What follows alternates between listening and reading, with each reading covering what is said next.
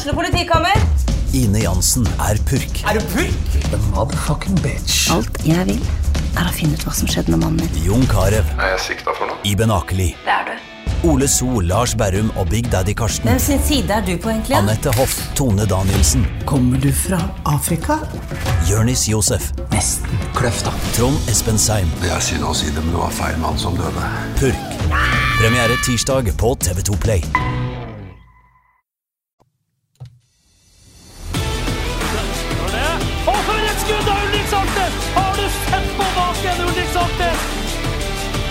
Da ser det skåring, og så skårer Bodø-Glimt.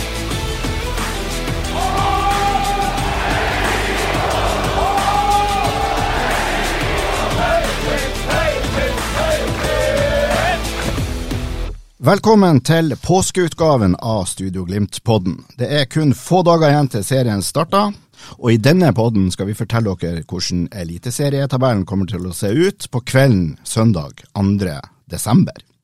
Og for å få en best mulig debatt og analyse, ikke minst, eh, rundt tabelltipset til Studio Glimt-podden, er vi ikke mindre enn fire stykker her i studio. Vi har med oss en svært ihuga, må vi vel kunne si, Glimt-supporter, og en mann med veldig sterke meninger, også om klubben Bodø-Glimt. Velkommen til deg, Andreas Thymi. Tusen takk, bare. Og så har vi hentet en kommentator og Glimt-ekspert. Stein Sneve, velkommen til deg også. Tusen takk. Tusen takk. Og jeg tør jo sjelden gå inn i det her studioet her uten å ha med meg Glimt-eksperten over alle Glimt-ekspertene, nemlig deg, Freddy Thoresen. Velkommen.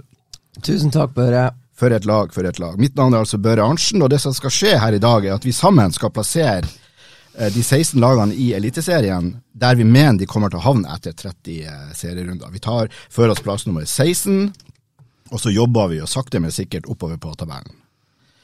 Og når vi har plassert et lag på en plass, så eh, er den plasseringa endelig. Da, er- da er vi ferdig med det. Da, den, eh, da står den plassen der, og det skal ganske mye til. Eller skal, det skal ikke egentlig være mulig, sjøl om det skulle bli revolusjon i studio, å få endra på den. Så, eh, sånn, sånn tenker vi å, eh, å gjøre det. Så det her kan jo bli en krevende øvelse. Jeg oppfordrer eh, panelet til eh, å være tolerant overfor hverandre og hverandres meninger, og at vi satser på konsensus. Så eh, er panelet klart? Ja, jeg bare sier til deg, Børre Arntzen, lykke til. Ok. Da er det skåring, og så skårer Bodø-Glimt. Plass nummer 16. Direkte nedrykk. Årets jumbo. Hvem vil begynne? Ja, jeg kan begynne med at det blir jo Det, det er jo steike vanskelig nede i bunnen der. Det er mange potensielle lag, og så kan det være mange potensielle lag vi tror skal havne nede i bunnen, og så har de spilt ti serierunder, og så ligger de midt på tabellen, og vi lurer hva i alle dager var det som gikk av oss rett før påske når vi gikk i studio for å tipse. Det der er ikke lett. Jeg har Altså, det er jo mot bedre viten, da. Hvis dere vil vite hvem jeg har plassert på bunnen. Jeg har da sittet HamKam. Her, eh, her er det, rist, det er ingen som rister på hodet hvis Nei, han, og- er direkte uenig med deg i det. Nei, og greia er uh, HamKam har mist, De mista annet Bjørlo til eh, Rosenborg. Og jeg tror ikke denne Bjørlo kommer til å gjøre så voldsomt for Rosenborg. Han er, var viktigere for HamKam enn jeg tror han kommer til å bli for Rosenborg. Og det er en liten sånn arbeidsmaur på midtbanen som gir gode arbeidsforhold til spillerne rundt seg. Og de, det har vært en del utskiftninger. Jeg syns de har gjort smarte innkjøp også. Eh, men det har foreløpig materialisert seg i meget svake treningskampresultat. Og når de taper 3-0 for Raufoss Det gjorde de for øvrig også i fjor, eh, tror jeg, i en treningskamp. Men eh, jeg syns ikke det der er veldig tillitvekkende. Så akkurat i dag er jeg nødt til å plassere HamKam på bunnen. Jeg har også plassert HamKam på bunn, og, og, men han Freddy har helt rett. Altså, det, er en tre-fire-fem lag der nede som alle kan havne på sisteplass, og så er det jo alltid noen som vil overraske negativt og positivt. Men HamKam, i tillegg til det han Freddy har sagt, så er det her den såkalte vanskelige andre sesongen. Det er klart, HamKam rykket opp i fjor og hadde en enorm flyt og en enorm innsats, og vippa jevne kamper i, i si retning. Eh, det første som skjedde, at, men etter at de ikke minste Christian Eriksen, så, ha, så var de egentlig ikke i det samme slaget, og så er Bello borte. Så uh, ikke noe lett uh, avgjørelse mellom disse tre, fire, fem lagene, men jeg hadde også på min liste HamKam nederst. Andreas? Ja, jeg har eh, også HamKam eh, der, og eh, Det er mye basert på slutten av forrige sesong. altså Etter at de mista Christian Eriksen og litt utover i sesongen, så gikk det veldig dårlig. Og det er også et dårlig tegn når de går inn i en vanskelig andre sesong. Så jeg, jeg tror de havna der, men enig i at det er en tre-fire, kanskje fem lag som kunne ha vært der. Men, og det eneste vi da vet, er at når det er relativ konsensus i dette studioet, så tar vi sikkert feil. Ja. Ja, det må ja han han kom HamKam midt på tabellen. Det, det, så HamKam skal, være- skal være skal være overlykkelig over at vi plasserer dem der vi plasserer dem. Nei, jeg jeg har ingen problemer med å eh, slutte meg til det forslaget der som allerede har fått eh, tre av fire stemmer. Så, så eh, skal vi gjøre kort prosess med, med jumboplassen og si dessverre, HamKam, det ble med de to årene, så er det rett ned i Obos igjen. Er vi så Det kan vi gjøre, og så kan vi da minne om at eh, foran eh, 2020-sesongen så tippa jo eh, VG Glimt på nedrykksplass. Og de ble seriemester. Så eh, ja. Ja, men jeg tror nok at kompetansen her eh, Ja. er atskillig høyere enn i VG, det, det tar vi som en selvfølge. Men, eh, men hvis man er fra Hamar eller liker HamKam, så kan det være en ørliten trøst. Nei, men en, en kul klubb. En uh, tradisjonsrik uh, by og arena mm, for fotball. og Det var jo uh, fantastisk artig å få dem opp igjen. Men ikke sant, Markus Pedersen er også borte. En rutinert kar som sikkert kan skremme lagkameratene til å spille godt, selv om han ikke bidro så voldsomt sjøl. Han, han er borte. Og så hadde de en Jeg har glemt navnet på han spissen med det frekke pannebåndet som var rundt og skåra litt. Han er jo 31-32 år. og ja, jeg tror han overraska en del, og jeg tror forsvarsspillerne i Eliteserien kommer til å være litt bedre forberedt. De har henta Jon Olav Norheim fra Jerv, en klubb som røkka ned. Jeg syns de har som sagt gjort en del smarte grep. Jeg tror de har en god dansk trener, men eh, jeg blir skremt av eh, svake treningskampresultater. Og derfor, som, som vi sa nå, akkurat nå Det kan hende, hvis vi spiller inn en ny en om ei uke, at vi endrer. Men uh, nå har vi konkludert med at akkurat i dag er det ikke lov. Og vi skal jo selvfølgelig ikke endre på vår eh, fasit Nei. eh, på tabellen Nei. etter, etter én serierunde. Nei. Vi skal gjøre det etter 30, Ja. Eventuelt, hvis det skulle vise seg å være feil. Det Men ok. fine, det fine og vi, skal jo, vi har jo allerede avtalt at etter sesongslutt så skal vi ta en fest, så skal vi henge ut hverandre over hvor dårlig vi tippa eh, før påske Ja, 2023. Ja, god plan. Skal vi ha det skøy? Du er i festkomiteen. Ja. Plass nummer 16, Jumbo HamKam. Da ser det skåring, og så skårer Bodø-Glimt! Vi har en direkte nedrykksplass til, som vi er nødt til å eh, plassere noen på. Stein, har du en, eh, en favoritt til, sagt, til et lag som skal slå følge med HamKam? Ja, litt som med sisteplassen, og, og hvem som blir nummer 15, 16 og 13 og 12. Altså, eh, veldig vanskelig. Eh, men jeg havner på et lag som, som er litt som, eh, synes jeg, som, som HamKam, som på en måte har Nå har de vært lengre der oppe, men litt sånn mot alle odds, så klamrer de seg fast etter både neglene og tåneglene de siste årene, så jeg har plassert Sandefjord på 15.-plass. Ja, Andreas, hvordan føler du det stemmer med dine vurderinger? Det er samme plass, men nå må det sies at i fjor og i forfjor så hadde jeg Sandefjord på sisteplass. Eh, og eh, nå har jeg sett to tellende kamper. Eh, og Sandefjord mot Odd, der var det imponerende spill av Sandefjord også. Og eh, de har noen spennende spillere. De har vært på harryhandel i Sverige. De har henta inn en som heter Al-Said, som eh, jeg må innrømme imponerte veldig. Eh, og eh, her har de eh, potensialet. De har masse gode vinger, eller masse vinger med masse potensial. Fart, teknikk. Eh, de har jo henta en av våre, Komson. Og så her har jeg flytta dem opp en eh, seks-sju plasser før jeg har flytta de ned igjen. Så her eh, eh, kan alt skje. Men kan du akseptere en eh, 15.-plass på Sandefjord? Jeg har plassert de på 15. Og du har allerede det, er det, plassert det er der jeg har de nå, Ja. men, eh, men om to timer så kan de være på en helt annen plass. Jeg må bare få lov til å skyte inn her at i fjor Jeg har en kompis som bor i Sandefjord og som følger med. Han er ihuga. Jeg skal ikke nevne navnet hans, for eh, da blir han sikkert litt flau. Men i fjor så forhørte jeg meg litt med han. Og da hadde jo jeg som den eneste av de som tippa, så hadde jo jeg Sandefjord oppe på en sensasjonell fjerdeplass, for at han sa at nå er det, nå er det så bra. Det her kommer, Nå får vi virkelig se Ødegård-effekten. Altså pappa Ødegaard, nå kommer det her til å sitte som ei kule. Det gjorde jo ikke det, de berga jo plassen så vidt. Men jeg har fått nøyaktig samme melding fra han i år. Han ber om fornya tillit, og, og, og tror at, eh, at Sandefjord kommer til å bli en av overraskelsene i, eh, i 2023-sesongen. Men jeg tør jo ikke å stole på han etter at jeg rett og slett gjorde det i fjor og dreit meg litt ut der for fjerdeplass. Det er flere, som har pekka meg eh, på ryggen og lurer på hva, hva, hva, hva det der. jeg er helt enig med han André. Altså, de kan godt ende fem, seks, syv, åtte plasser lenger opp. eh, For det, det de har gjort, regnskapene er lovende. Og jeg har gjort det samme. Jeg har også gjort den samme tabben tidligere. Jeg tror jeg de, de siste årene så er det konsekvent tippa Sandefjord på, på, på nedrykksplass, og de har overlevd. Så, men, men det litt sånn jeg føler senere, så, så tar det litt slutt, tror jeg. Eh, Så ja.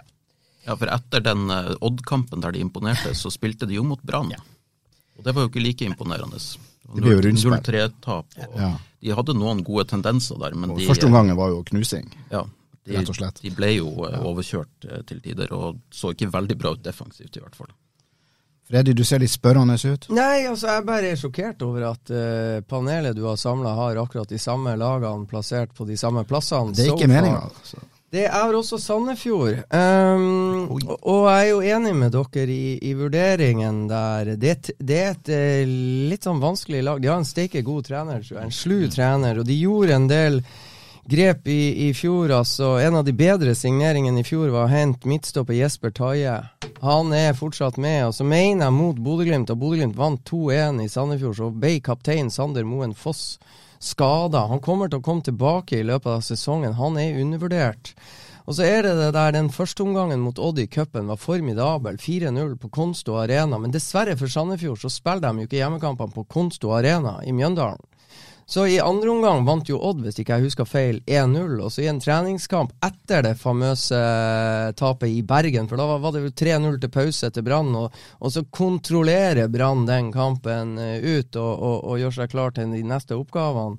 Så eh, taper de da i Skien i en treningskamp mot eh, Odd. Og et Odd-lag som også har vært veldig opp og ned. Et Odd-lag som jeg har litt på nedre halvdel. Så hvor god var egentlig Sandefjord mot dette Odd-laget òg? Liksom, men, men det er et lag som har en spillestil og en struktur, og får de den til å sette uh, De er ballspillere teknisk, det er god, det er fart, det er mange spennende. Så Al-Sai, det er helt korrekt, ja, korrekt uh, av Andreas Thyme påpekt at det blir en en spennende spiller å følge med.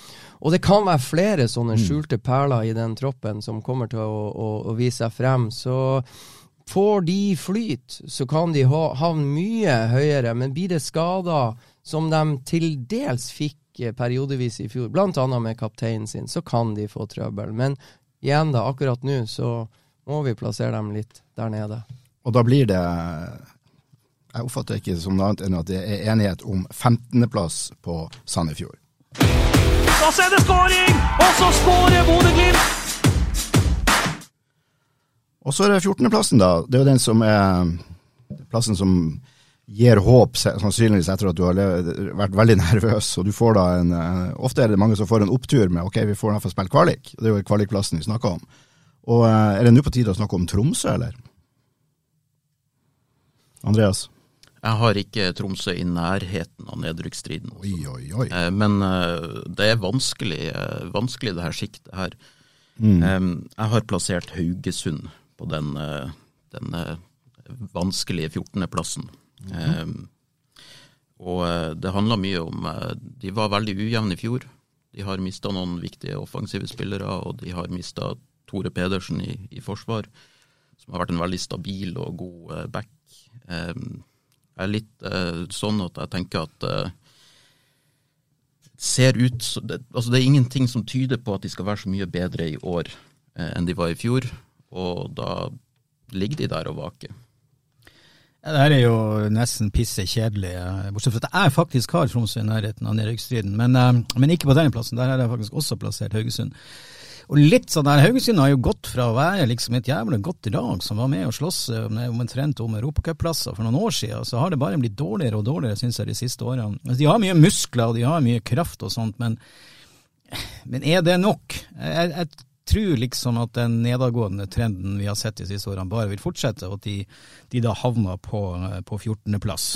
Eh, litt kjedelig ettersom Andreas hadde det samme, men kanskje noen av dere andre vil opponere og lage litt krangel. Men, eh, men akkurat som de to siste, så, så, så har jeg faktisk, og det, det har vi gjort helt uavhengig av hverandre, det, det skal vi bare forsikre om, så har jeg også Haugesund på 14.-plass. Men jeg vil også legge til at jeg heier litt på Haugesund. De er et gøyalt lag, Og mm. herlig trener og, og nydelig på sosiale Ja, er medier. bra, Og det er bra fotballkultur i den byen der, og det er artig å være på arenaen der. Det er, nei, jeg har heller ikke akkurat lyst til at Haugesund skal forsvinne ut av, eh, ut av Eliteserien.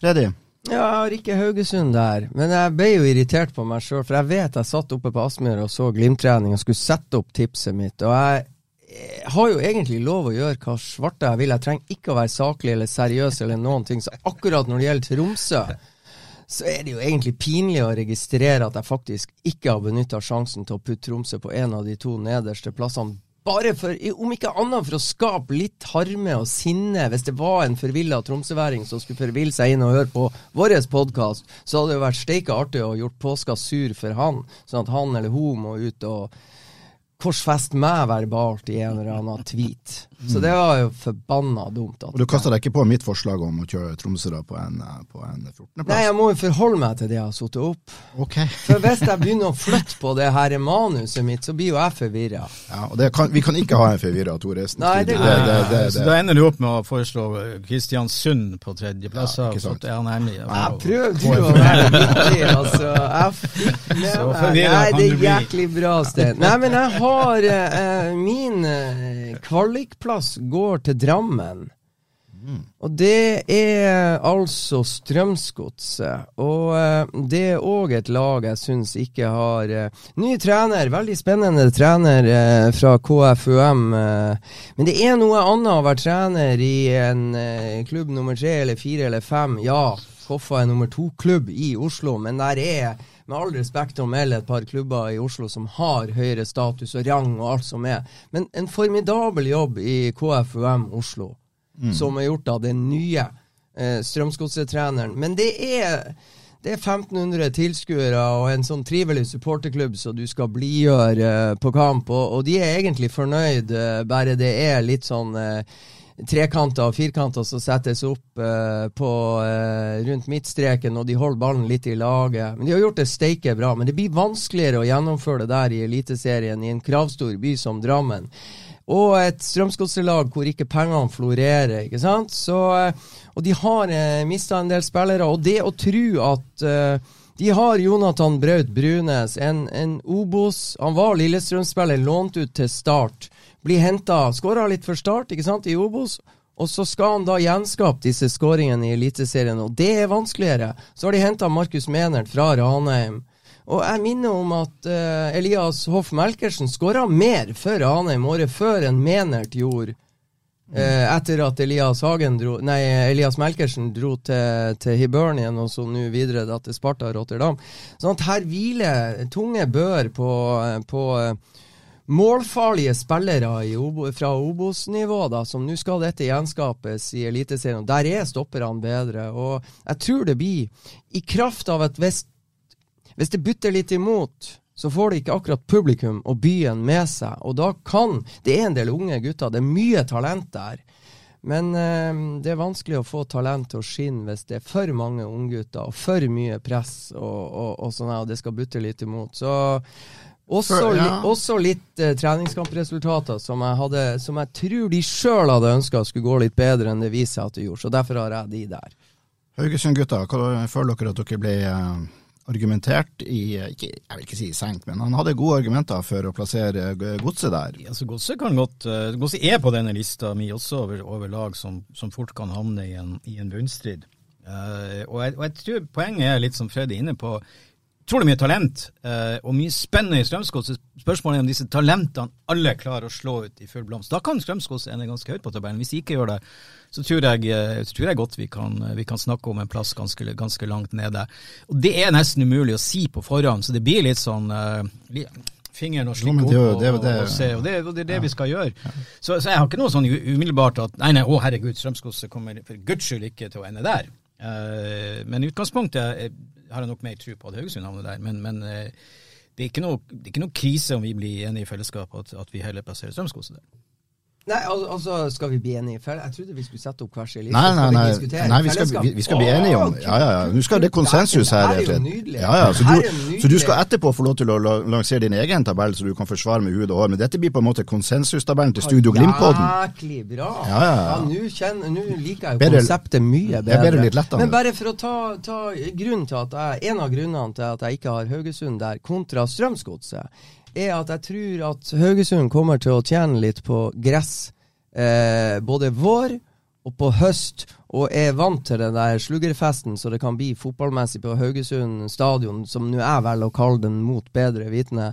Så jeg tror kanskje det der at altså, vær og vind og, og gress kan gjøre at Og det er seks dansker med litt sånn rutine.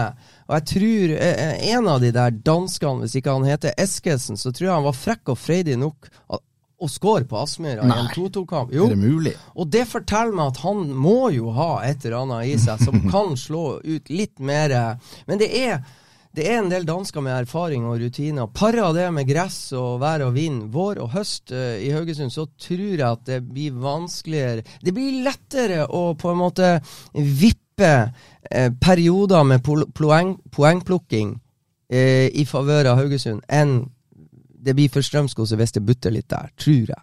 Vi snakker om plo- eh, Så eh, er det sånn at jeg, jeg er også sånn at jeg er i tvil på Strømskose. Dem har jeg flytta opp og ned en god del, og de har vært der nede. I fjor så tippa jeg dem eh, ganske lavt også. Um, og så er det sånn at de er, de er ujevne, men de pleier å liksom hente seg inn på et eller annet punkt i eh, sesongen, så jeg tror ikke de havner så langt nede. De, de har jeg litt grann mer sånn eh, systematisk tro på at de holder seg. Jeg skal bare sjekke om han eh, Fred Friday fortsatt er med, for det er jo ikke verre. nei verre. han, er, han, er, han er ute. Han er ute? Han er i Jerusalem. Ok, ja, for altså, hadde han vært der, så vet vi det er snakk om fire måneder, så tar de Nei, én måned, så tar de fire seire, takket være at han plutselig gjør det han det gjorde når han ja. var på sitt aller, aller beste i, eh, i Lillestrøm. Og Så Johan Hove ute, Ja. og ja, Gunnarsson ute. Tokstad. ja, det er, litt, det Nei, det, er en fordel, det er en fordel for Strømsgodset at Gunnarsson er ute. Det kan vi slå Ja. fast. Nei, men altså, Freddy har jo et poeng i, i, uh, i dette med, med, med, med gressbanen, uh, særlig tidlig og sent. Det, det har jeg for så vidt ikke tatt så mye med i, i betraktning. Og, og det at Haugesund er et som jeg også var inne på, det er, det er et tungt lag. Med, med, det er et sluggerlag uh, som er vant til å slite og slåss og bite fra seg mot, mot slutten av sesongen. Kanskje mer enn en, en Strømsgodset med, med sine kanskje litt mer unge og sarte spillere. Eh, men men, men så, så litt som Andreas har jeg også kjørt Strømsgodset litt opp og ned, eh, men, men har endt med, med, med å ha dem litt høyere på tabellen. Men, men hvis vi skal bli enige om noe, så eh, det skal Dere er jo to mot én, så jeg kan godt legge ned garden og la eh, Ja. Var det Haugesund vi skulle da, da, Ja. da kjører vi uh, høy... eh, du, men du må jo ha noen meninger sjøl. Ja, nei, jeg forholder meg til den tunge ekspertisen som for øvrig er i, i studiet. Jeg syns det her er veldig vanskelig. Jeg har også sans for dette gress, kunstgressargumentet, men uh, Altså, Nå skal Men- jeg jo være litt politiker her og så si at av og til så er det jo en fordel å tape. For da kan man jo vise etterpå at man Men eh, dette kan du mye om, eh, Du må lære oss kan mye om å tape, ja. Så eh, Ja, Børre, du, du har fortsatt Sandefjord på fjerde. jeg, kjører, jeg er så glad i Sandefjord. Nei, de er nå da på 15. Men på 14. så kjører vi Det blir Haugesund. Haugesund. Er vi gjennom det? Ja. Plass nummer 14, Haugesund. Da er det skåring, og så skårer Bodø-Glimt!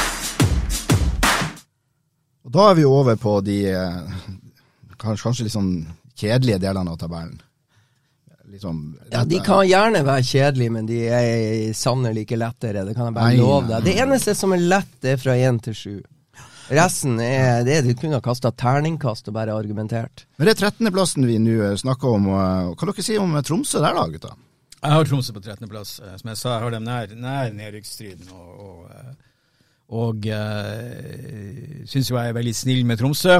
Uh, men, men, men rent sånn, sånn logisk Tromsø er litt som Strømsgodset, kan også gjøre det mye bedre. De, kan, de har mye unge spillere, de satser ungt, de har mye ferskt, men de har en en dreven trener som har vist seg å, å få mye ut av, av Ja, de det unge vi spillerne si. og det, og det unge laget. Som gjør at jeg har løfta Tromsø ut av, av nedrykksstriden. Men jeg, det, ligger med, det, det sitter langt inne å skulle løfte noe særlig høyere enn 13.-plassen, skal jeg innrømme. Så, så jeg har havna der jeg har havna på 13.-plass. Ja.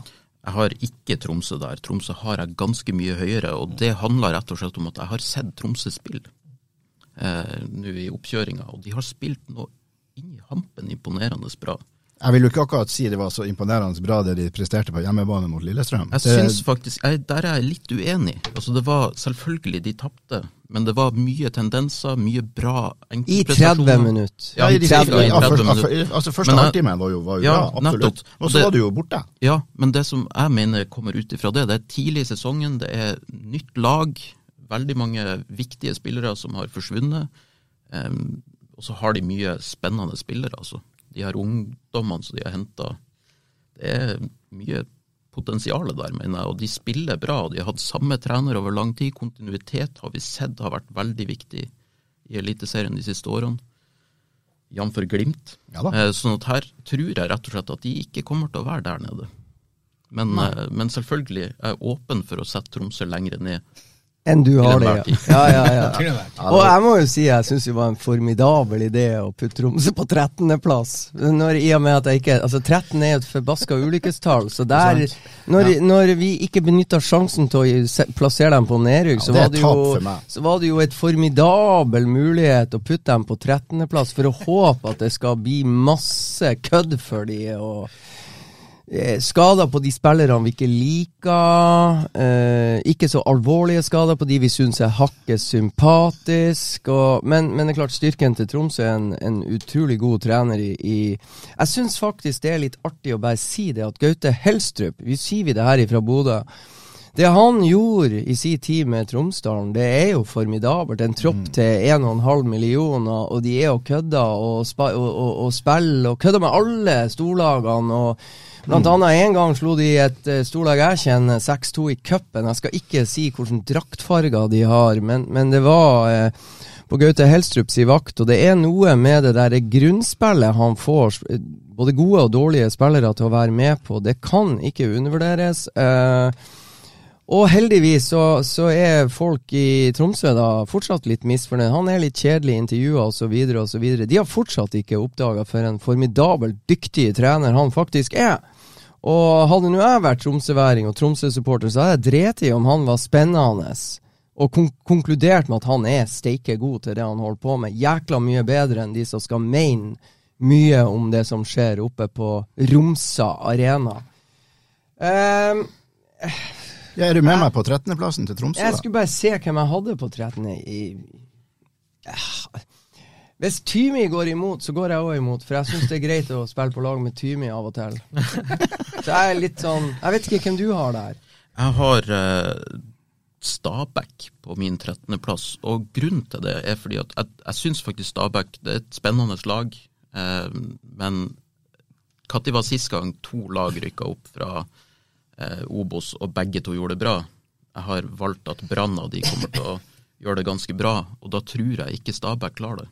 Den overgangen der er større etter hvert, og eh, Jeg ser ikke bort fra at Stabæk syns det er bra å begynne med 13. ja, det kan godt hende. For det er jo tross alt eh, sikra plass, og det er jo ikke noe eh, at På en første sesong etter et opprykk, så er jo det en glimrende plassering. Så, Men hva deilig at vi har tre Nei, forskjellige lag, da. Ja, nei, altså Det er litt som Jeg har ikke noe problem med, med å også gi, gi Tromsø litt, litt, litt mer kred. For det er litt som med, som. Altså, det, det, er mye, det er mye dersom hvis som så fremst, og ting som skal klaffe med unge spillere og talenter osv. Det kan godt bli at, at det er Strømsgodset som kollapser, mens Tromsø lykkes med å få de unge spillerne fordi at de har en bedre trener. Så, så eh, for meg var jo på en måte litt sånn eh, ulykkesplass 13 og, og ikke sette på nedrykksplass og håpe at det slo inn at de røkte ned likevel. Eh, så, så hvis nå da det er flertall, så hvis det er flertall for å ikke ha Tromsø der, så, så er ikke det noe problem for meg. Jeg konkluderer med at Tymi og Thoresen har snudd. Vi har ombestemt oss, og så før vi putter- Stabæk, da. Nei, så putter vi Tromsø på 13.-plass i et håp om at det blir ulykke. Og så har vi sagt at vi har trua på laget. Ja.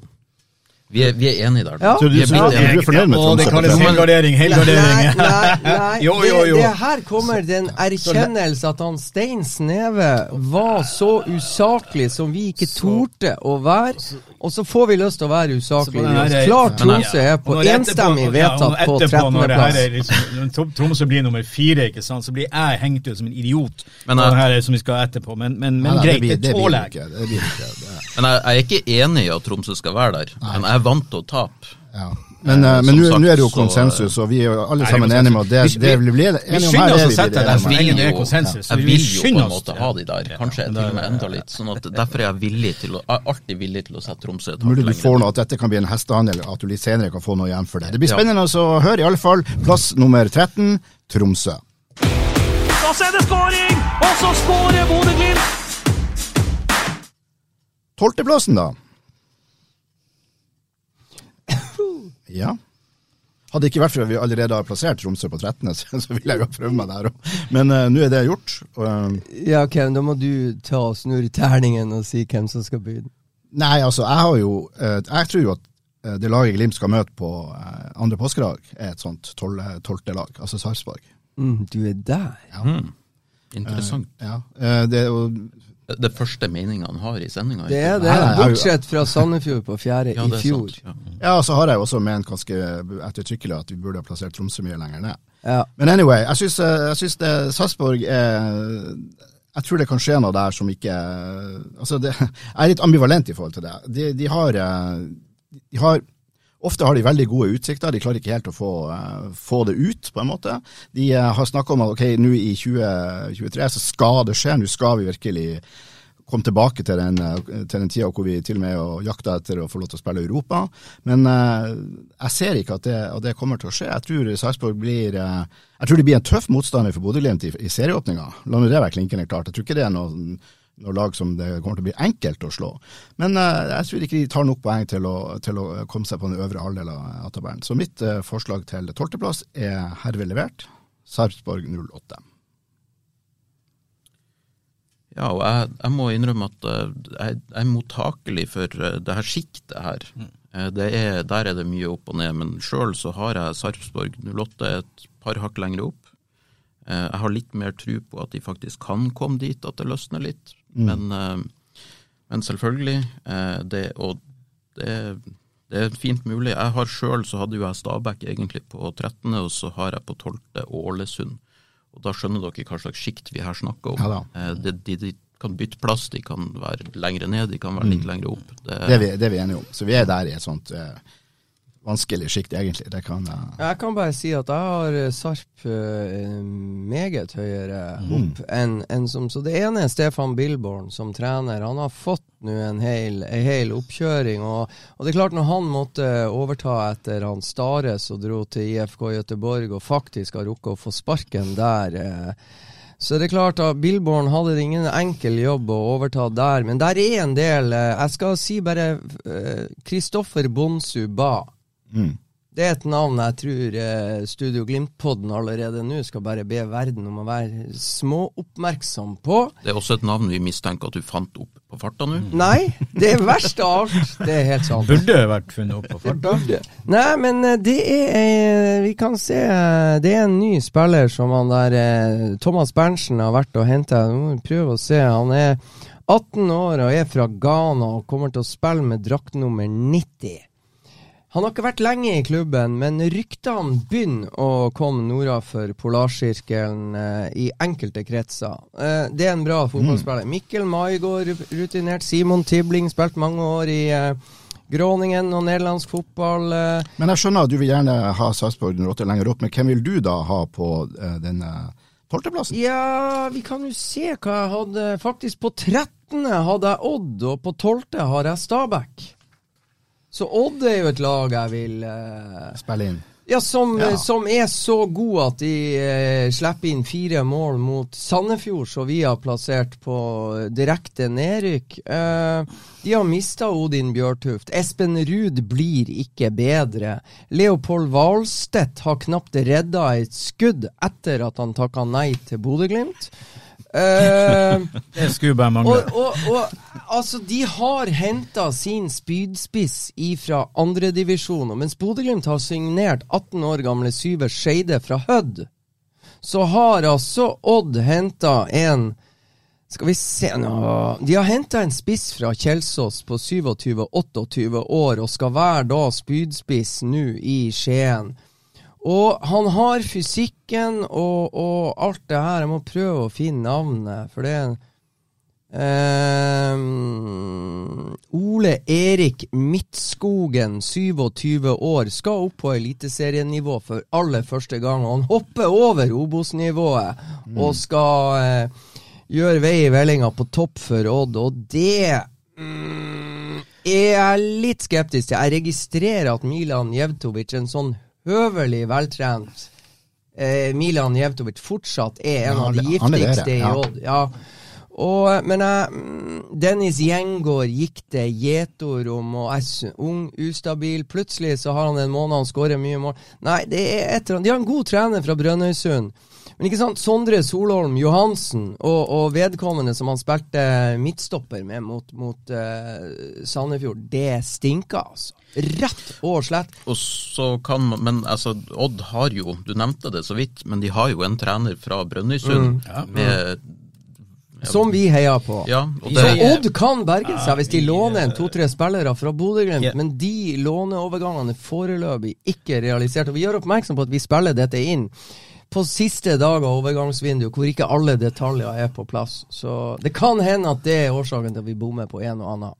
Jeg eh, har også Odd på på tolvteplass, faktisk, eh, i utgangspunktet. Og, og det har mye med det samme å gjøre. De har en god trener. Eh, og Paco Ball fungerte men i perioder i fjor, og jeg syns laget er klart svekka i, i forhold til det de hadde i fjor av, av spillere. Og eh, siden vi er glad i Brønnøysundværinga, så håper jeg jo virkelig at Odd overgår alle forventninger og, og havner mye høyere på tabellen, men, men det var også de jeg hadde på tolvteplass i, i utgangspunktet. skal jo sies også da at i fjor så ble det jo faktisk, faktisk nummer eh, fem. Eh, og du hadde som den eneste i tippemiljøet her, hadde tippa de høyt, nemlig på fjerdeplass, og traff godt på det. Men jeg tror de, jeg vil, er ikke riktig observert at Odd ble nummer fem litt, litt sånn mot alle, mot alle odds, for å si det sånn. De, de, var, de presterte egentlig ganske mye bedre enn en, i hvert fall jeg hadde trodd. Og, og klarer de å gjøre det ett år til, liksom? Ja, altså for å ta, for å ta de var ikke, Odd vant vel 3-2 eh, litt heldig i Skien mot Bodø-Glimt, og så gikk det noen uker, så kom de til Bodø, og da ble det 7-0. Ja. Sånn at det, det, det svinger, og Svinger veldig. Jeg syns Odd hadde flyt i en del kamper. Den Bodø-Glimt-kampen med litt flaks, og så er det litt hit og dit. Eh, jeg hadde tro på Odd før, før, før jeg tro på Paco og tro på Odd, derfor tippa de femteplass. Eh, og egentlig litt overraska når jeg så dem spille i løpet av sesongen, at det gikk så bra som det gikk. Eh, og så er det det at jeg kanskje ikke tror at det er like De er svekka. Du hadde tippa de på fjerdeplass, og så ble de nummer Ja fem. da, eh, jeg hadde stor tro på Odd i fjor, eh, men, men jeg syns de er klart svekka. Og så er det noe med at de nok uh, skuffa meg litt i en del kamper, hvor de nok mer vant på flaks enn godt spill. Så, så i år har jeg blitt litt mer skeptisk, og kanskje jeg går den for langt motsatt vei, og så blir de nummer ni eller noe sånt, men, men i utgangspunktet så er jeg litt skeptisk til Odd i år. Men jeg hører at vi kommer kanskje til å få noen raske konsensuser her. Jeg har Odd på 11.-plass på, på min, og Stabæk hadde jeg på 13.-plass. Um, så her, Skal vi ta en sånn dark horse? Hva, hva skal vi skal, Jeg vet ikke, Stein, hvor du har Stabæk, men det er Nadderud, det er gress. De, de sendte Molde ut av cupen, og det er jo litt artig. Lars Bohinen er trener. Klarer vi hva vi tror om Stabæk? Jeg, eh, de, de, er, de er i denne gruppa, kan du si, av Odd, Stabæk, Ålesund, eh, Sarpsborg, som, som på en måte ligger og vaker rundt en akkurat type, samme plass. Det er hipp som hopp om de blir nummer 9, 10, 11 eller 12. Liksom. Skal vi sette Stabæk på Så jeg har ikke noe problem med Stabæk på tolvteplass. Hva du tenker det høres ut som en konsensus der, da.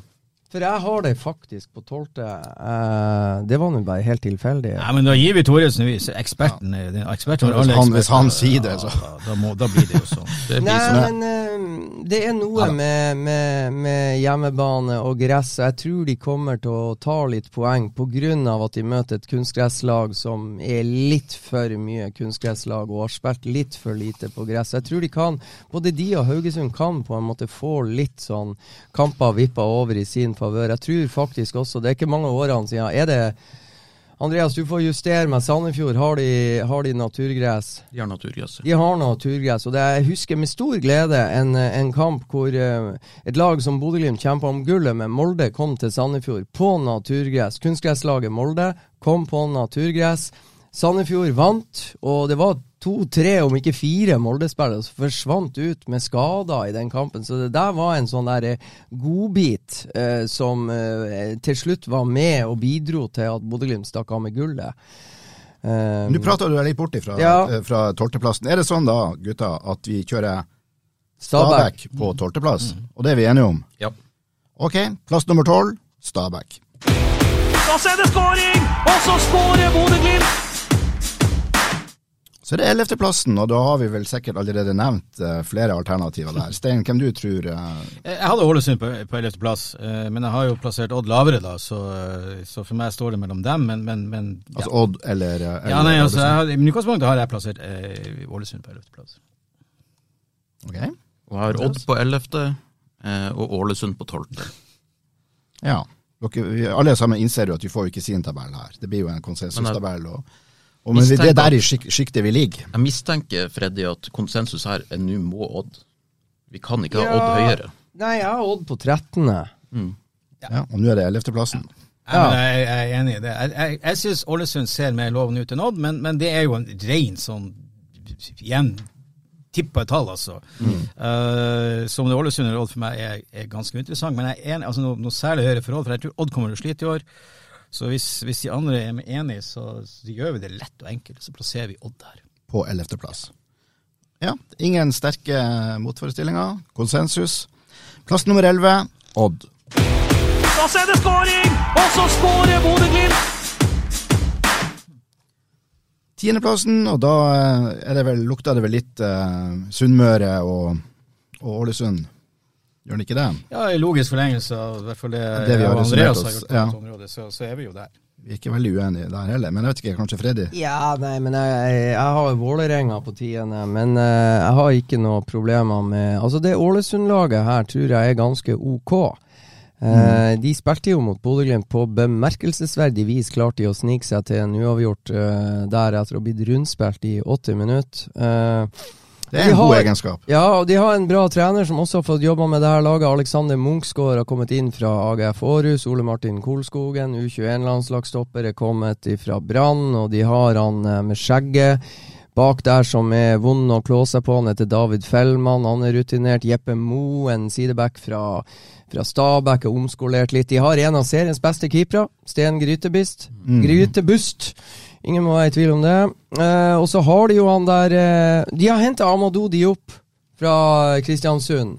Han senegaleseren, hengslatt, eh, gjorde en formidabel kamp på Aspmyra da Marius Lode hamra eh, ballen inn i evigheta. En av de som kødda mest med Bodø-Glimt i den kampen, foruten om Amahl Pellegrino, var Amadou Diop. Så hvis han hvis trener Nilsen klarer å trykke på de rette knappene overfor Amadou Diop, så har de en bra sentral midtbanespiller. De har også henta Kasper Lunding, som har skåra for Odd. En dansk kantspiller som har skåra for Odd. Var frekk nok å ta ledelsen 1-0 på Aspmyra, men Bodø-Glimt kom tilbake og vant 6-1, så det gjorde ikke så mye.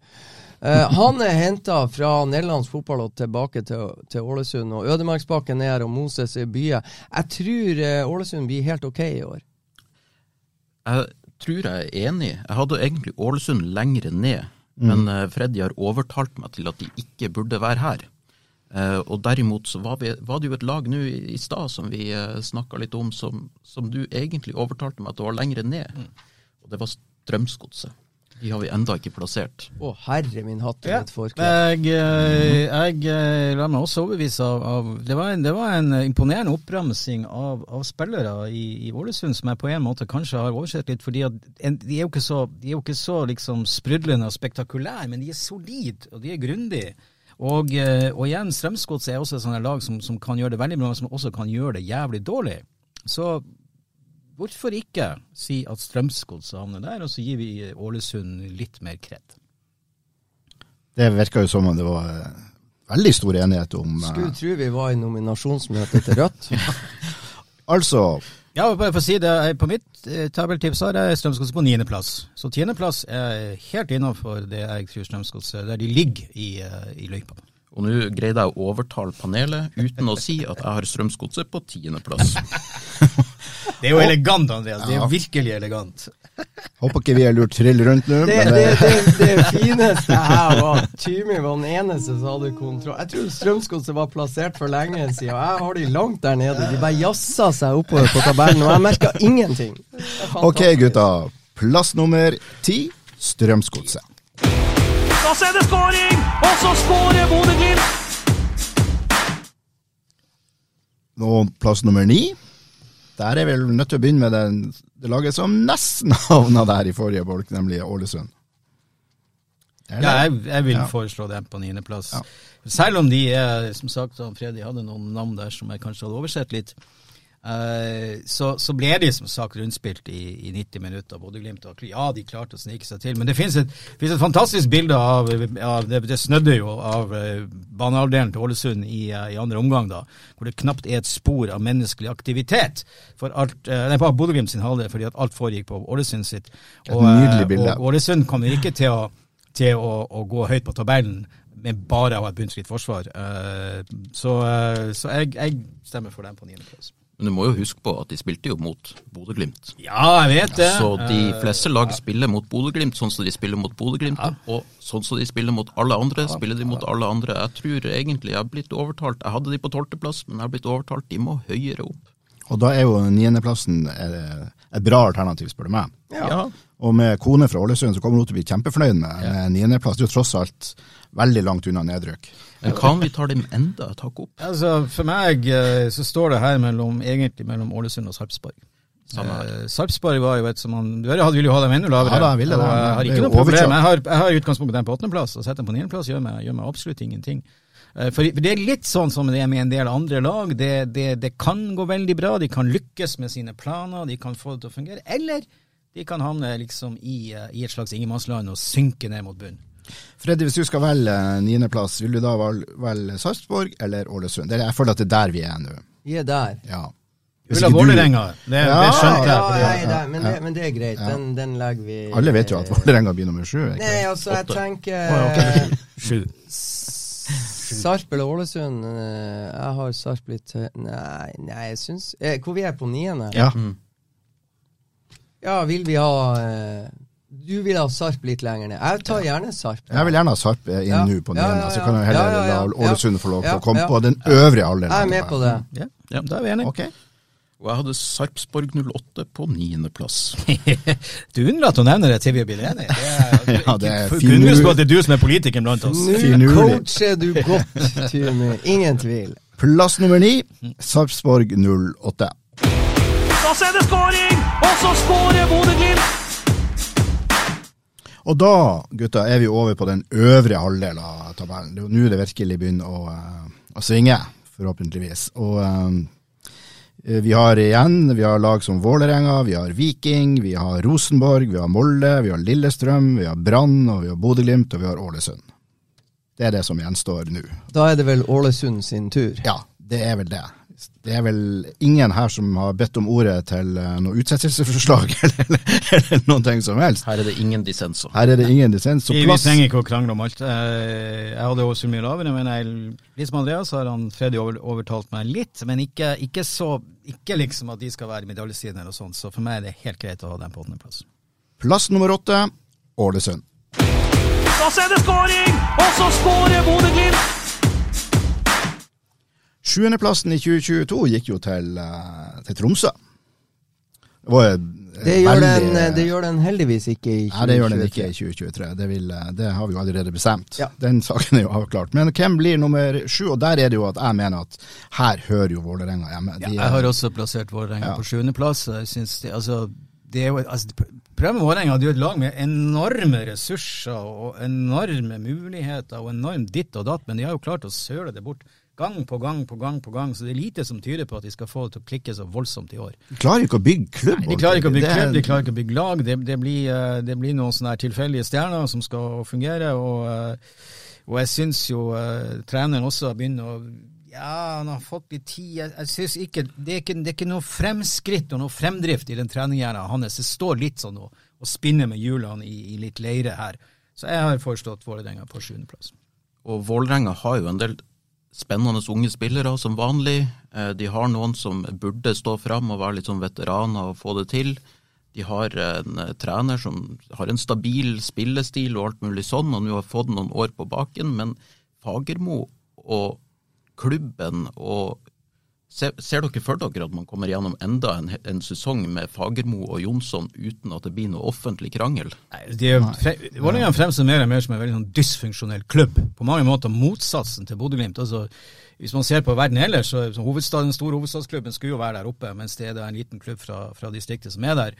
Så Vålerenga er sånn anti-Glimt. Uh, og jeg ser ingen forklaring eller noen årsak til at det skulle endre seg dramatisk i år, at de skulle bli med lenger opp. Så Men det, det I, fjor, I fjor fikk de jo en uh, høvelig OK plassering. De kom jo ikke på sjuendeplass i fjor. Um, og de, men, men de ble jo de ble, jo betalt dit av eieren sin med over 40 millioner. Men altså det som vi kan være helt sikre på, det er at, at Vålerenga kommer til å spille noen kamper i år hvor vi, hvor vi kommer til å sitte og, og være helt superimponert. For det potensialet de har når de virkelig er, får det til, er, er veldig høyt. Altså Det er veldig stort potensial. Men så, har de jo, så kan du gå neste kamp igjen, så, det jo, så kan du jo tape med mange mål, og, og, og det er masse krangling, og det er folk som er sur, og det smelles med døra. Det er veldig merkelig materie det her. Det, det var som, akkurat som i fjor. Altså, Vålerenga var jo lenge med i medaljekampen i fjor, altså, og plass i Europa. Det, og så kollapser det etter hvert. Og, eh, jeg tror du får litt det samme. Det, det er for ustabilt. Uh, men, men litt som eh, fordi det er mye unge spillere som, som er Tromsø og, Sandefjord. Det, det kan plutselig også, det kan plutselig klikke og så prøve å få det til, og så ender de mye høyere. Men, men jeg har liten tro på det. Så jeg er veldig- bekvem med sjuendeplassen. Man vet jo også at hvis det går bra med Vålerenga en stund, så går det dårlig. Ja, akkurat. Vi vil bare sette seg ned og vente det skal skje. Ja. Freddy, du er så bemerkelsesverdig Ja. rolig nå på når vi snakker om Vålerenga. Er det for at du nei. er helt enig i at det blir nummer sju? Ja, jeg er det, og så er det veldig artig å høre på dere. Og jeg vil bare si at de har en fantastisk eh, supportergruppering i Klan, som er blant seriens beste. Det, de kommer, det, det er utrolig artig uansett å se Vålerenga på hjemmebane og følge med Klan, om ikke annet, når, når spillerne sjøl ikke leverer. Men det er en del gode spillere der.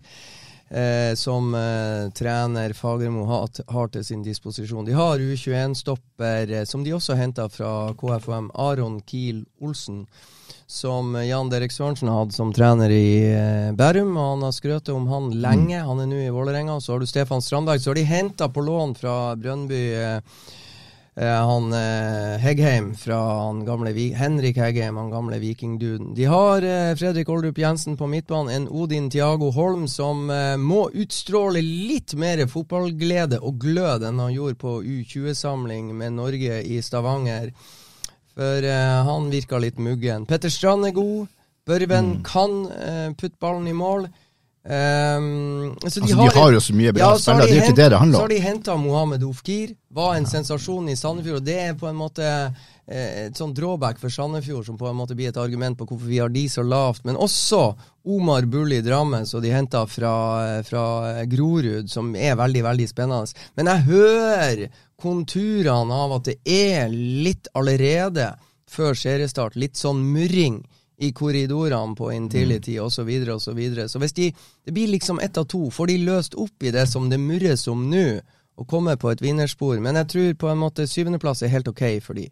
Du hadde dem jo mye lavere i utgangspunktet, så Ja, jeg hadde dem på tiende, rett og slett, for jeg har hørt så mye om den murringa. Jeg skal ikke si så mye mer enn det. Så, så, så ble jeg til min store glede her, når dere vil ha dem høyere opp, så ser jeg at de har jo mange gode fotballspillere. Ja, men det er jo Og, ikke det og som er en, en som Ja. Nei, men og han eh, Juklerød, Simen Juklerød, som kom fra belgisk fotball. Det er en meget god fotballspiller, så det er klart det at uh, det her kan bli bra. Og han eh, fra Ålesund på, på midtbanen, som jeg må ta nå. Henrik Bjørdal, kjempespiller. Ja, men han må pares med de, med de riktige spillerne. De må få en elver til å fungere, og det kan de fort uh, lykkes med. Jeg tror ikke Vålerenga lykkes bedre enn nummer sju i år, og jeg føler jeg har panelet med meg. Ja. Så eh, plass nummer sju, Vålerenga. Da er det skåring, og så skårer Bodø-Glimt! Og her skal vel du inn, Andreas, og si at du hadde kanskje Vålerenga på sjuende. Selvfølgelig hadde jeg det. Ja, du hadde det. Alle hadde jo det. Nei, du hadde det på tiende, ja. Ja, ja. Mm. Vi er da over på eh, plass nummer seks, som du da Vålerenga fikk i, eh, i 2022. Og er, er det nå vi skal begynne å prate om Brann? Ja, du kan begynne å prate om Brann, men jeg har ikke Brann. Jeg har Brann mye høyere opp. Ja, alle har Brann mye høyere opp. Jeg har Altså- Viking på sjetteplass. har Viking på sjetteplass. Samme her. Ok? Og, men La oss snakke om Brann. dere. Men Vi- Vi- Viking, i, i fjor så hadde alle som tippa, så hadde de Viking på tredjeplass. Ja. Viking var det, det var det helt store. Jeg føler at det er litt det samme med Brann i år. Ja, men skal jeg si bare Jeg, jeg syns Viking var god på Aspmyra. Selv om altså, de lykkes med sin stil. De, de gikk til pause med 2-0. Ledelse etter å ha blitt rundspilt. De har eh, sluggere i de bakre rekker der. Men jeg så dem i en treningskamp mot KBK ei uke etterpå. Da vant KBK 4-1. Og det var en del landslagsspillere som var borte, men de har fortsatt en, en helt ok tropp, Viking. Men dæsken steike de leverte ikke varene mot KBK. Det må jeg si. Det skuffa meg. Og så Så- må, ja, og så må vi også ta med at de hadde en kjempedårlig sesongavslutning i fjor. Eh, de Ja, det varte var- jo rakk, det var et halvt år. Halv Sist, sesong. ja, siste Ja. tredelen av sesongen så var de nest dårligste lag i Eliteserien. Akkurat. Ja. Og jeg, jeg begynner alltid der når jeg skal sette tabellen. Og nå har jeg flytta Viking så langt opp som jeg er villig til å flytte dem. Og, eh, det, Og det er sjetteplassen. ja. Nei, det, det er noe sånn der wobbly over Viking. Altså, det er noe sånn der som jeg ikke helt får taket på, om det er trenerne eller det er spillerne. fordi de har, de har mannskap godt nok til, å- til å slåss om medaljer osv., men de gjorde det ikke i fjor. Jeg, jeg føler ikke at de er kommet så særlig mye videre i, i år i, i, i, eh, forhold til det. Så, um, så for meg var det naturlig med en, med en sjetteplass. Og jeg er litt sånn at jeg er jo så vanskelig å sette dem så veldig mye høyere enn sjetteplass. Jeg og Børre til, til Brann, altså. Så, så for å ta i, um, Altså, Bodø-Glimt rykka jo opp og, og uh, sleit litt i 2018, men så uh, gikk det på skinner fra 2019 og frem til nå. Lillestrøm kom opp, gjorde det bra. Jeg tror Brann kommer opp. De, de, det var en klubb i ruin. ikke sant? Det starta med den famøse nachspiel-greieren. Så har de fått rydda opp i troppen osv. osv. Nå har de hatt et år sammenhengende med suksess. De har spilt ei sesongoppkjøring sammenhengende med suksess. Det er spillere som strutter av selvtillit og, og, og har et system de tror på. og De gjennomfører det, de er lojale og de jobber hardt. Så har du Viking, da, med, med kanskje like gode spillere, men deres, deres inngang, eh, påpekte Andreas, de spilte et, et halvår med tap.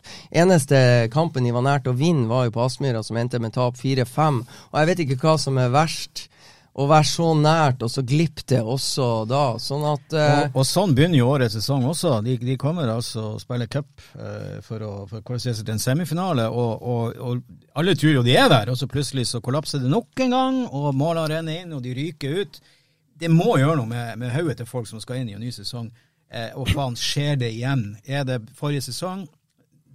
Det mentale der tror jeg også Viking kommer til å slite med. så Jeg tror, jeg tror Brann, det må jeg bare si, jeg tror Brann eh, har masse selvtillit, de har masse gode spillere, god trener og en fotballengasjert by, men de får jo en helt annen fotballhverdag når de skal møte eliteserielag hver, eh, i hver runde. Ja, og det, har de, er mye, mye det har de løst steike godt Jo, i cupen, og det har de ja. løst i Men de har, treningskamper. ikke, de, de har ikke løst det i serien ennå. Det er der, men jeg tror de kommer til å få en tøffere hverdag. Det blir, det blir mye hardere. De kommer til å møte lag som kommer til å ta Ja. mye mer hensyn til Du dem. har- har- og, og jeg vil tro også at en sjetteplass for Brann, selv om de, de vil jo ha gullet hjem og alt det der tøvet der, men en sjetteplass for de vil jo være en, en decent eh, eh, til, eh, tilbakekomst til Eliteserien, faktisk. Vi må Så- også huske på at en ulempe som de plutselig får når de begynner med sesongen, som de ikke har hatt i oppkjøringa, er jo at de må jo spille på Brann stadion.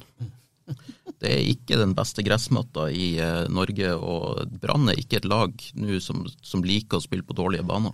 Det eneste som jeg ser som er Branns akilleshæl, er at de egentlig har en ganske tynn stall. Altså, Førsteelven er jævlig god og har gjort det veldig godt, men de skal ikke ha mye skader før, de, før det begynner å gnage litt på det der.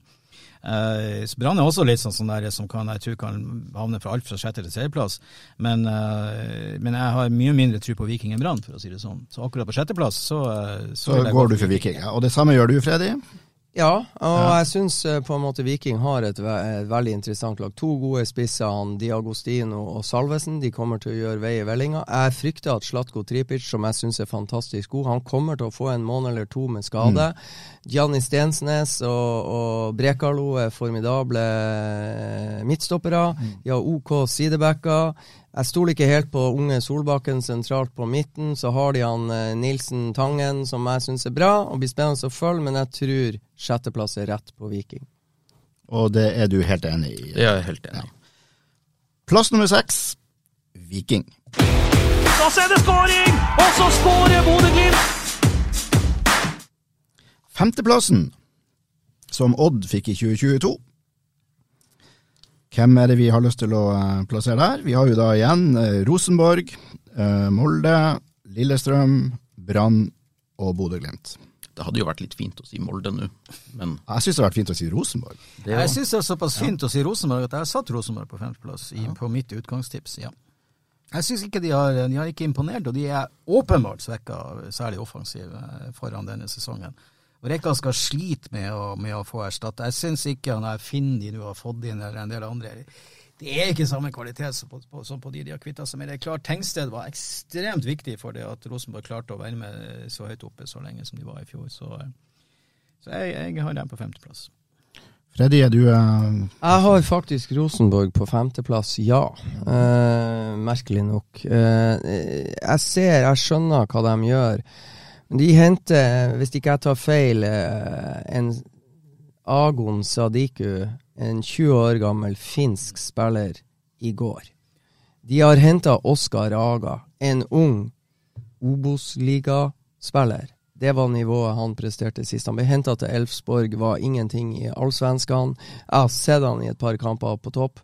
Eliteserien Altså, eliteserie jeg, jeg så han ble spist opp av David Brekalo og Gianni Stensnes i cupen i Stavanger. Eh, han Ola Sæter er skada. De har en islending, en Thorvaldsson, eller hva han heter. Thorhalsson, muligens. Han er stor, han er tung, han er for dårlig trent. De har Kristal Ingesson, de har han Jaden fra Canada. Det er litt sånn der fotrappe, eh, lette teknikere. Og, og så har de Henriksen, som har vært midtstopper i ett år. Nå skal han opp og spille i midtbaneleddet. De spiller ikke Lerkendal-fotball, for å si det. Det er ikke Eggen. Det er å pælme opp langt og vinne dueller. Det er fordi at de innser at det er det de må gjøre for å få resultater, jeg, går jeg ut ifra. jeg vet ikke. Det er nå- det er nå det Rekdal og Geir Frigård legger opp til. Og jeg, er det én plass, eller det er to plasser i Norge, at publikum kan fort vende seg mot lag, sitt eget lag, det er i Brann, det er det i Bergen, og det er i Trondheim. Sånn at eh, Nei, jeg er mm, Jeg ser at de kjøper ungt, men det er mange unge som skal slå til samtidig for at dette skal lykkes. Så Carlo Holse, som eh, skåra to mål mot Bodø-Glimt på Lerkendal og gjorde helt på slutten i fjor, når Rosenborg vant 3-2 En av de beste spillerne, syns jeg, i Rosenborg. Han skåra tre mål i fjor. Ja, han hadde mange assist og sånn. Han har vært skada hele oppkjøringa. Han er en av de bedre spillerne i Eliteserien, men, men nei, det er Kasper Tengstedt, eh, tror jeg Hans tilstedeværelse i fjor høst gjorde at det ble fred og fordragelighet i Trondheim, men eh, de skoene der blir ikke lett å fylle. Og jeg skulle gjerne ha likt å visst hvor Rosenborg i fjor hadde havna på tabellen uten Kasper Tengstedt. Oh, da hadde ikke vært mye arbeidsro. Men jeg, jeg hører jo her at vi har, de, vi har de samme tre lagene på de neste plassene, liksom.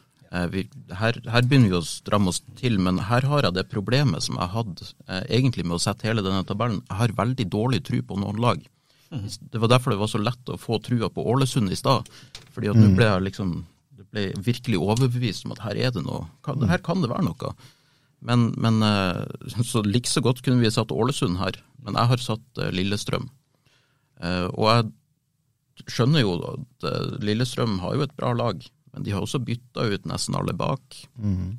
de, har, eh, de har viktige spillere er borte. Matthew, eh, de har Ogbu, Kairinen.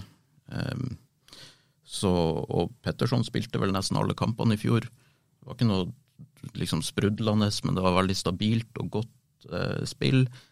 Så her er det litt eh, Men- jeg, men- tror, jeg, tror, jeg har litt trua på det laget der, men jeg tror ikke de begynner bra. Men sett litt sånn utenfra, så virker det som at stemninga i Lillestrøm er knallgod. De har veldig stor tro på det de holder på med. Det er en veldig god drive i, i Lillestrøm, og de fikk til god drahjelp gjennom den cupen, eh, cupkampen mot Tromsø. Men det virker som de, de er, det, det, her er, det her skal de klare. Altså, mens i Rosenborg så er det mye mer sånn usikkerhet, og jeg føler ikke at det er det samme trøkket rundt ja, eh, jeg, jeg, og så tror jeg faktisk eh, Jeg har veldig sans for Geir Bakke som trener. Jeg tror han er en bedre trener enn en Rekdal i, i, i den type situasjoner. Men, men jeg har jo utgangspunktet Lillestrøm på fjerde og Rosenborg på femte. Jeg har ingen store problemer med å bytte dem, for jeg tror dette er, som Andreas er inne på, dette er litt sånn hipp som happ hvem som Ja, og Andreas har steike gode poenger, for uh, Igo Ogbu, uh, Ifeanum Matthew, er viktigere enn vi tror for uh, Lillestrøm. Og de kan egentlig få inn hvem de vil. Eh, Igo Ogbu er vanskelig å erstatte. Matthew er vanskelig å erstatte. Og vi skal ikke glemme han kantspilleren som har vært i Rosenborg, som jeg hører har hatt en voldsom eh, innvirkning i spillergruppa. Han Mm. Viasat-eksperten, hva han heter han? som var med å vinne cupfinalen for Hødd. Åle André Helland, helten fra cupfinalen i 2012, da Hødd fra Ulsteinvik knuste Tromsø velfortjent, med 16 år gamle Fredrik Aursnes eh, som midtbaneanker. Eh, artig å få det med, kjenner jeg. Men, men jeg, jeg, jeg Greia er det er en Vetle Skjærvik, og det er han der Garnås, og eh, ja, altså om det blir Lillestrøm skal vi, Jeg vet ikke hva du sier, Stein. Skal vi ta bare for, for å være venn med våre naboer i Trondheim, og ikke bli, at de blir for muggen på Skal vi putte Lillestrøm på femte, eller skal vi vi ikke- stå på Jeg har ikke noe problem med det, fordi at, som du er inne på, det det er mye ungt og spennende på Rosenborg. Og så er spørsmålet hvorvidt, litt som en del andre lag, som, som jeg også har vært litt i tvil om, Mm. om de får det til å klikke eller ikke, om de får det til å fungere. Gjør de Skal vi- det, så kan Rosenborg gjøre det mye bedre enn vi tror. Hvis ikke, så, så er for meg det 50-50 om vi plasserer Lillestrøm eller, eller uh, Men for meg så handler fjerde- og femteplassen om uh, Rosenborg-Lillestrøm. Skal vi ta Rosenborg og Lillestrøm, så driter vi i de, og så plasserer vi Brann på sjette? Hva da? Eller? Vi, vi er på femte. Vi er på femte, er på men den femte. også. Oi. Da, da får vi nøyaktig samme problemer med fjerde- og tredjeplass. Jeg har, et, jeg har et til argument til fordel for Rosenborg, altså. For hvis dere husker tilbake ett år, husker dere den oppkjøringa Rosenborg hadde da? Ja, de tapte også for Raufoss. eh, Husker dere laget Rosenborg hadde da? Den formasjonen og den knøvlinga og alt mulig. Det var ingenting som funka. De har ikke vært, hadde, de har ikke hatt en fantastisk oppkjøring nå heller, og de har jo mista eh, noen da, spillere. Da, men Det da har ikke jeg noe problem med at vi eh, Men da, da tar jeg fjerde, og femte i ett. Da er det Lillesand på femte og Rosenborg på fjerde. Er vi, eh, er vi enige om det, gutta? Freddy? Ja, vi er enige. Hva har vi satt på Det, be, femte? det betyr vi tar to plasser nå. Ja. Vi tar plass nummer fem, Lillestrøm, Ja. og plass nummer fire, Rosenborg. Og så er det skåring! Og så skårer Bodø-Glimt! Og eh, Andreas, da det stemte vel Du ser så fornøyd ut. ja, det er snart bingo. Ja, jeg, jeg må jo nesten Jeg, jeg tror jo det at vi, at vi plasserer Rosenborg der, er også, henger også litt med historien. og Det er jo et storlag, og vi, vi, vi gir det litt ekstra pga. det. Jeg, Ja. jeg vil bare ha, ha det protokollført at eh, jeg mener at de burde ha vært uh, nummer fem. Men ok. Ja, jeg kan jo også nevne, for min del så tipper jeg faktisk Rosenborg på nedrykk i fjor. Eh, og det, det var kanskje litt vel optimistisk. Nei, men du hadde truffet, hadde ikke Rosenborg henta Kasper Tengstedt. Det kan vi trøste deg med. Men vi skal nå da prate om, eh, om eh, Vi har tre plasser igjen. Det er jo da eh, Molde, Brann og Bodø-Glimt, og det er tredje, andre og førsteplassen. Og vi skal jo nå da konsentrere oss om tredjeplassen. Brann. Jeg tipper vi har samme her, ja. Vi tar Brann. Ja, det kan egentlig. Jeg, jeg klarer ikke helt å, Jeg skulle gjerne ha Brann lenger ned på tabellen, men i dette selskapet her så, blir, så tror jeg rett og slett ikke Brann sin selvtillit La meg, eh, jeg syns det er litt artig. Jeg jeg har undersøkt litt, men altså Det er ikke første gang det kommer at et lag har vært nede i Adecco-dassen, som det het i gamle dager. og Det er for det er artigere å si enn Obos-ligaen. Adecco-dassen svinger mer. Men er nede og tar rennafart og restarter, og så tar de med seg så mye gode opplevelser at, eh, at det kan fort gå bra. Men Erik Horneland har også klart å eh, ri av seg det famøse For han gjorde en formidabel jobb i Haugesund. Og så havna han i et, eh, et Rosenborg-system som var et rottereir. Ikke sant? Han var dømt til å mislykkes.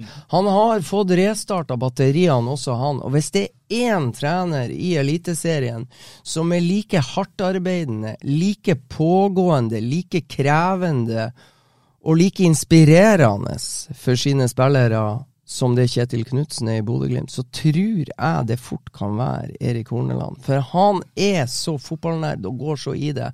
Og jeg tror det kraftfulle ved han og den eh, spillergruppa som har eh, Så det eneste som kan ødelegge for Brann, det tror jeg er Branns egne supportere, som etter tre-fire serierunder begynner å synge Jeg tror faktisk de begynner å synge det før seriestart. Gullet skal hjem.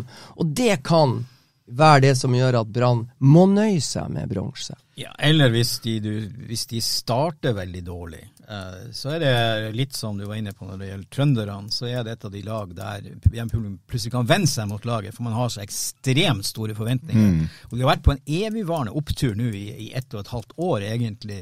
Eh, først Obos eh, suveren seier, nye rekorder overalt, og så en cuprunde som har vært helt suveren. Så, så er de litt uheldige og går på noen nederlag i begynnelsen, så kan det snike seg inn en usikkerhet. Hvis ikke, så tror jeg, hvis Brann får en god start, så tror jeg Brann eh, er med og tar en medalje, garantert. Så tror jeg kanskje ikke de er gode nok til å utfordre de to beste lagene, så da blir det en tredjeplass.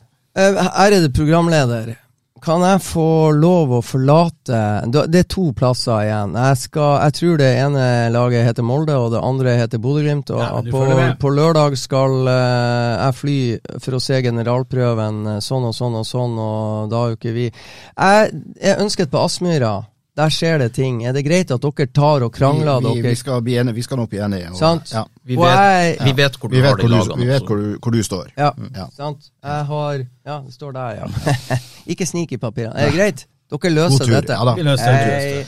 Men vi prater da om, eh, om eh, tredjeplassen og Brann. Ja. Er vi ikke bare eh, Det, jeg kan jo legge til at der er det jo også sånn at det har jo Jeg har jo sett noen kamper, og de er ikke sånn gjennomført best hele tida. Det er ikke sånn de spiller, men de har noen glimt så offensivt som er bare helt fantastisk å se på. Noen av de spillerne der, sånn, når, sånn de spiller i lag, det er fantastisk å se på. Og det å se Bård Finne plutselig blomstre som spiss, det føles veldig rart. Men det, det er litt sånn her kan, kan, eh, kan dette være Bård Finnes sesong, liksom? Da må han jo bli skada, men ja. Ja, og, og, og det er litt som, som også kan minne litt om Glimt. Altså det, de, er, de, er, de er happy together. Altså du, det, er, de er glad i hverandre, de jobber som et lag, de unner hverandre suksess. De jobber, det, det, det, det, det er noe sånn Glimt-vibber. Og så er de ikke like gode som Glimt, og de er ikke like, jeg er helt enig, i perioder er de ikke så gode. Men, men eh, nei, jeg, jeg tror på at Brann kommer veldig høyt. Eh, men jeg mener fremdeles at de to beste lagene i Norge er de to, to som har vært de to beste de siste Ja. fire-fem Jeg vil føyte det om Brann. så Måten de skåra mål på, altså med at de bare ganske enkelt setter liksom inn og Det minner meg veldig mye om Glimt. Ja. De skåra fra sånne helt sånn plutselig Oi, det er lengste hjørnet, så bare trilla de inn. eh. Helt fantastisk. Det er artig å se på. Det er jo en grunn til at de ikke kommer høyere enn tredjeplass på de her tabellene nå, og det er jo at de spiller jo med en tromsøværing som midtstopper. Eh, som vi har sett eh, blir rundspilt eh, fullstendig på Aspmyra veldig mange ganger. Og det gleder vi oss til å se i år òg. Forhåpentligvis så skjer det i år også. Ok, plass nummer tre, Brann. Da er det skåring! Og så skårer Bodø-Glimt! Da har vi, eh, vi tar både eneren og toeren i samme, i samme smella her, og det er jo da Bodø-Glimt og eh, Molde det kommer til å handle om i år også, for eh, tredje år på rad. Ja, fjerde år på rad. Fjerde år Fjerde, unnskyld. Ja, ja, ja. Så det er jo de to storhetene i norsk fotball per tiden, og eh, eh, i går hadde vi uh, ei innspilling i Studio Glimt-podden hvor vi gikk gjennom stallen til Bodø-Glimt, og hvor uh, jeg fikk sette opp ett lag, og så satte uh, Freddy opp et annet lag med Glimt-spillere. og Begge de lagene der er jo kanongode. Jeg føler jo på så mange måter at Glimt i år er bedre rusta enn eh, enn på lenge. Jeg er helt, jeg er helt enig. Glimt har eh, i utgangspunktet egentlig dobbel dekning av veldig gode spillere på absolutt alle plasser. Da tåler de både suspensjoner og de tåler skader mye bedre. Glimt uh, har ikke hatt den samme knallharde oppkjøring som de hadde i fjor, hvor de spilte Europacup eh, helt fram til eh, langt inn i sesongen, og hvor de bare tok to seire på de ti neste kampene etter at de var ferdig i Europa, som jo på en måte ødela sesongen. Eh, Nå får de forberede seg mye mer i, eh, i fred. Eh, Molde har samtidig eh, De har solgt for Fana, de har, de har henta Berisha. Jeg syns ikke det er i nærheten av samme klasse, selv om Berisha sikkert kommer til å skåre mål. Så bandt jo for Fana opp et helt forsvar. De, satt, de måtte jo nesten sette tre spillere på for å, for å holde kontroll på han. Så Molde har svekka seg. Glimt er, er blitt bedre. Eh, og det gjør at jeg ender opp med å være optimist og tro at Glimt vinner og Molde blir nummer to. Ja, og Glimt har jo hatt ei eh, god og lang oppkjøring nå med masse tellende kamper. Vi har sett at de har slitt litt med å skåre mål, eh, men det har de jo ikke gjort eh, i det siste, da. Eh, og eh, det, jeg, jeg syns det ser veldig, veldig lovende ut. Eh, Jeg har jo til og med her eh, på min liste tredje lag, så jeg tror kunne ha overlevd Eliteserien. Så, mm. så her, her tror jeg det er veldig bra. Så må vi huske på med Molde, da. Eh, Ja, de har solgt for Fana. De har mista noen andre spillere også, men samtidig har de hatt en veldig stabil tropp nå. Eh, Og, de har også et veldig sterkt andre lag, og kanskje et tredje lag. Eh, De sliter litt grann, tror jeg, bakover etter hvert. Ja, altså det, det kommer ikke til å bli som det, som det ble i, eh, i, eh, i 2020, hvor liksom Glimt eh, er suverent best. Jeg tror det kommer til å bli som det var i 2021, der det er veldig tett og kanskje helt opp til siste slutt. Men jeg tror Glimt har det lille ekstra som skal til for at de akkurat tipper, tipper over og, og kommer til å vinne. Jeg kan rett og slett ikke med det laget som Glimt har nå, tippe de på noe annet plass enn første. Eh, Det er viktig for meg å få sagt at jeg har veldig stor respekt for Molde. Jeg tror de har en, eh, fått, fått innarbeidet en sånn seierskultur, en sånn vinnervilje, og de vet hva det handler om. Alle, mange av de spillerne der har vært med på det her i år etter år og de, de skjønner nivået. De er, og, det, og, det, og det samme kan vi si om Glimt, heldigvis. Så eh, Jeg, jeg synes også Erling Moe er en veldig sånn undervurdert trener. Alle skryter av Kjetil Knutsen, og alle skryter av, av en del andre trenere. og vi har vært, og Horneland gjør en kjempejobb i Brann, men, men det, det Erling Moe har gjort med, med Molde, særlig i fjor, eh, hvor han rydda opp og fikk det et solid defensivt, og de taktiske grepene altså Den, den Aspmyra-kampen mot Glimt er jo genialt taktisk, taktisk løst. De, de Glimt spiller og spiller, og Molde bare banker inn målene og, og vinner suverent og fortjent. Så Erling Moe jeg, jeg synes jeg er ganske undervurdert. Eh, men, men, men, jeg, men jeg er enig med Andreas. Altså hvis vi ser på spiller for spiller og lag for lag, og det at Kjetil Knutsen ikke står noe tilbake for Erling Moe, snarere tvert imot når det gjelder både taktikk og, og evner, så, så har jeg også vanskelig for å se at det kan bli noe annet enn gull i år. vi er ikke veldig Bodø-sentrert nå. Vi er veldig boligsentrert, men, men det er jo jobben vår.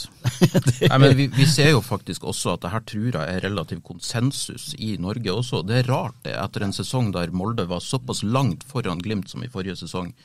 Men, eh, men mm. altså, vi er ikke alene der. Jeg tror faktisk at Norge forventer at Glimt vinner denne sesongen. Eh, Og eh, jeg tror Norge får rett, da. Heia Norge! ok, da har vi altså på eh, plass nummer eh, to Molde, og på plass nummer én Bodø-Glimt. Da er det skåring, og så skårer Bodø-Glimt!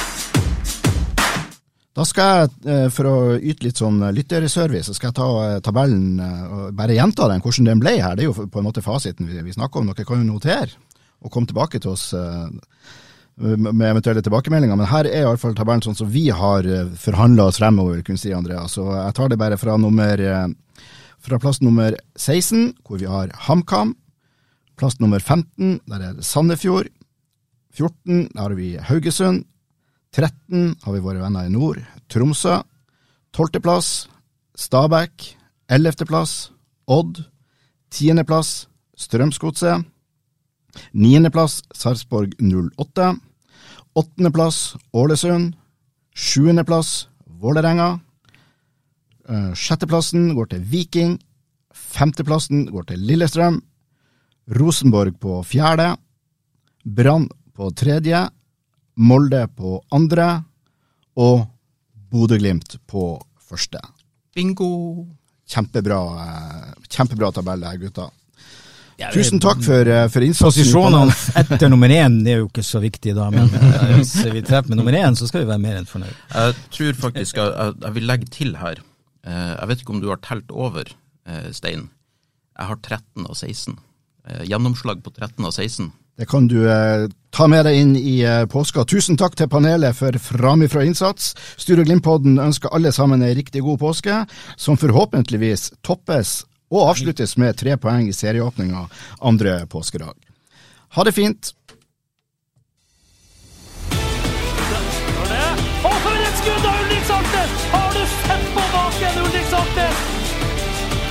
Da er det skåring, og så skårer Bodø-Glimt!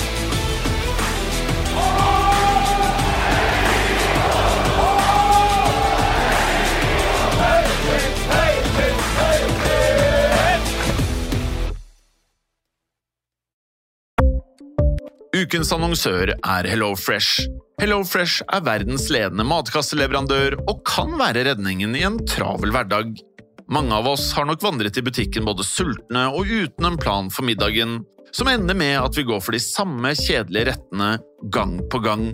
Middag burde være dagens høydepunkt. Som Hello Fresh kan du nå velge mellom 25 ulike retter hver eneste uke, eller få Hello Fresh til å sette sammen menyen for deg.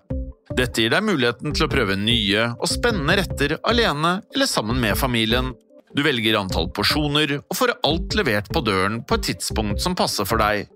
Oppskriftene er enkle, og maten er lett å lage både for store og for små. Ved å få alt levert hjem får du også mer tid til å dele matgleden med familie og venner. Kanskje det frister med asiatiske tacos eller greskinspirert kylling?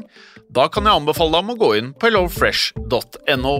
Her kan du bruke koden FOTBALL og få opptil 1779 kroner i rabatt på de første fem matkastene hvis du ikke har prøvd Hello Fresh tidligere. Du kan også bruke rabatten hvis du har vært kunde og stoppet abonnementet ditt for tolv måneder siden eller lengre. Gå inn på hellofresh.no og bruk koden FOTBALL. Har du et enkeltpersonforetak eller en liten bedrift? Da er du sikkert lei av å høre meg snakke om hvor enkelt det er med kvitteringer og bilag i fiken, så vi eh, gir oss her, vi. Fordi vi liker enkelt. Fiken superenkelt regnskap.